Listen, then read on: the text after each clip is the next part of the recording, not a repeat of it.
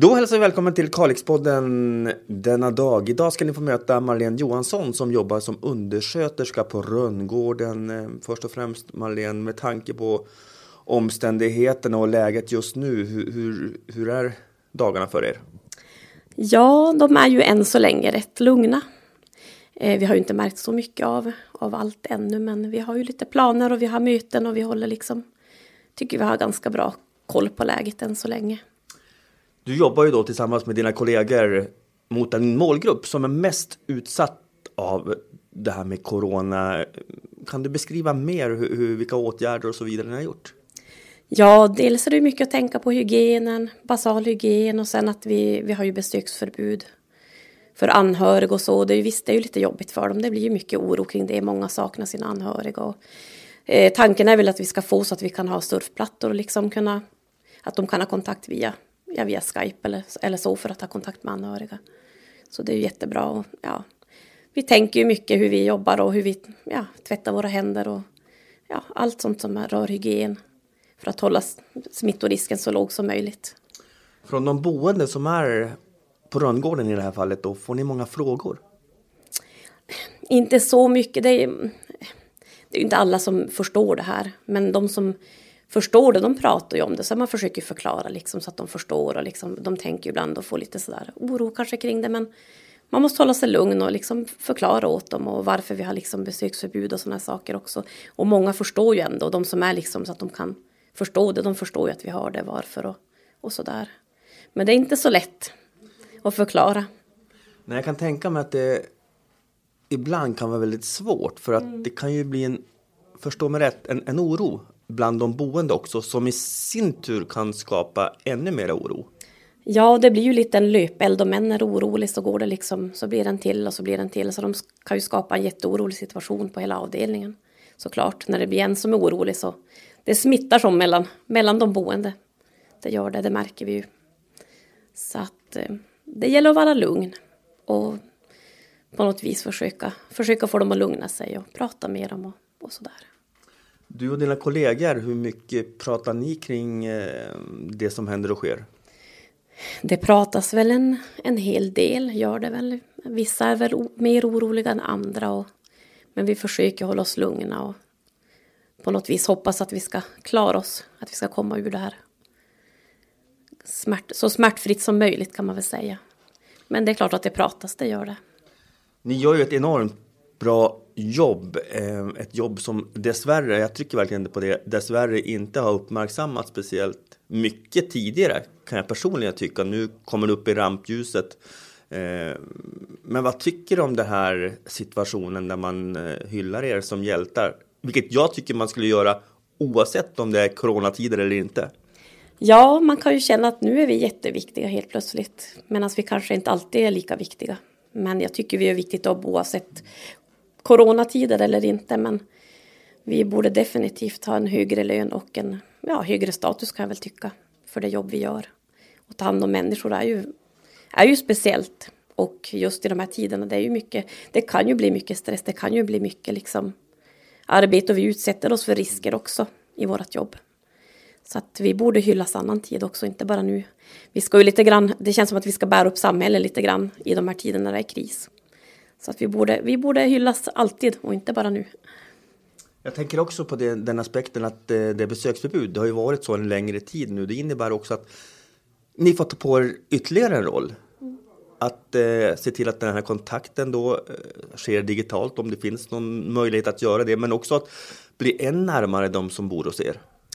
Ja, ja så det är ju, de får ju inte träffa. Många blir oroliga av att inte träffa sina anhöriga också. Det märker man ju. De saknar dem såklart. Och anhöriga ringer och frågar hur det är med ja, men mamma, pappa, vad det där.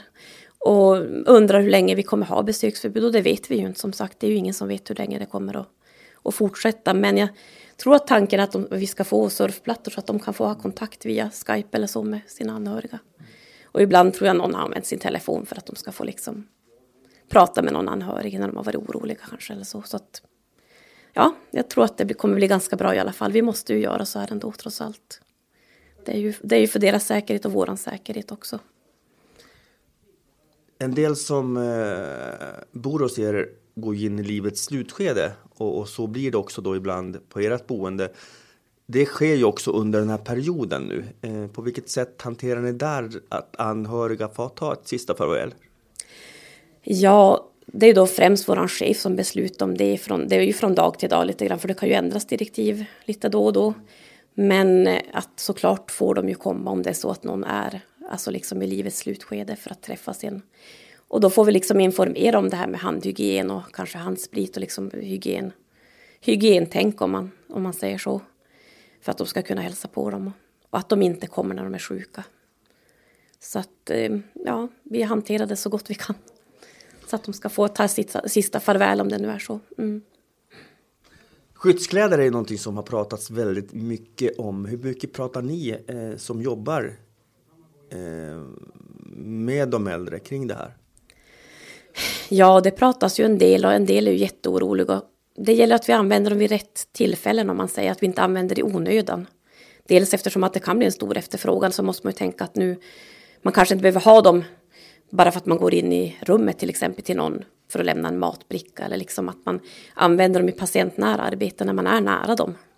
Och liksom verkligen måste vara nära. Då, då, vi måste ju som tänka att om vi använder upp allt nu innan det kanske är en kris så kanske vi står utan mitt var där och det är ju inte så lyckat.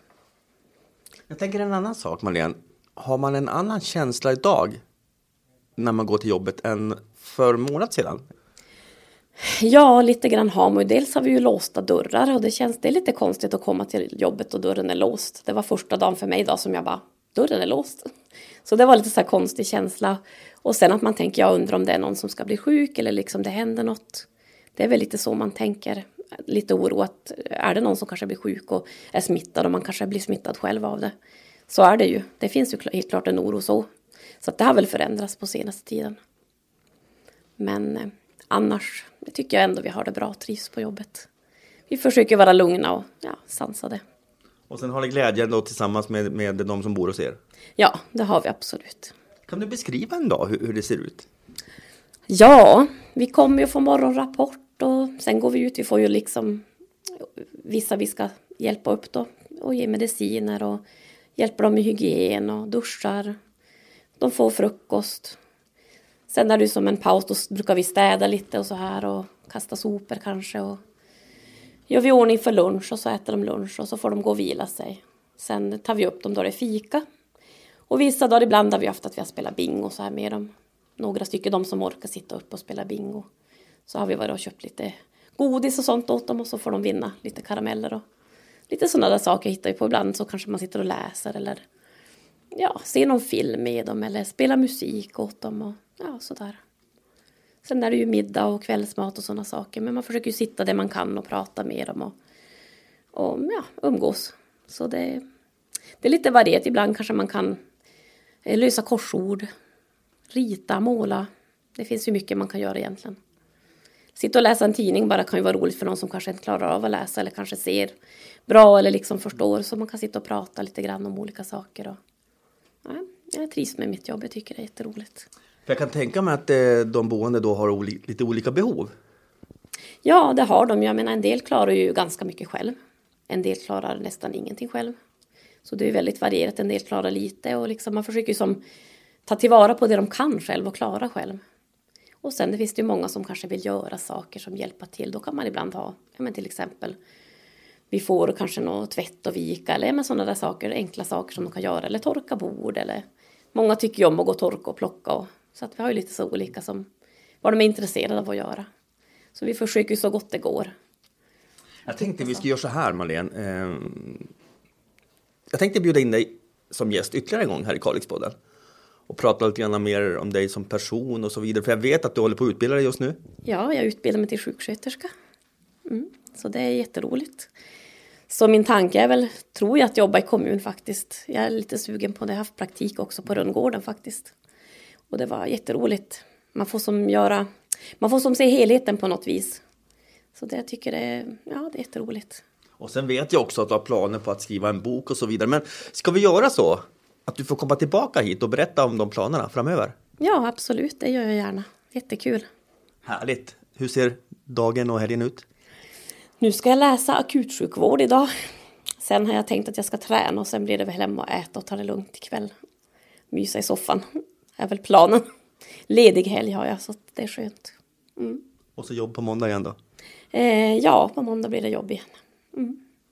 Och vi önskar dig en trevlig helg och en fortsatt trevlig fredag. Ja, tack detsamma.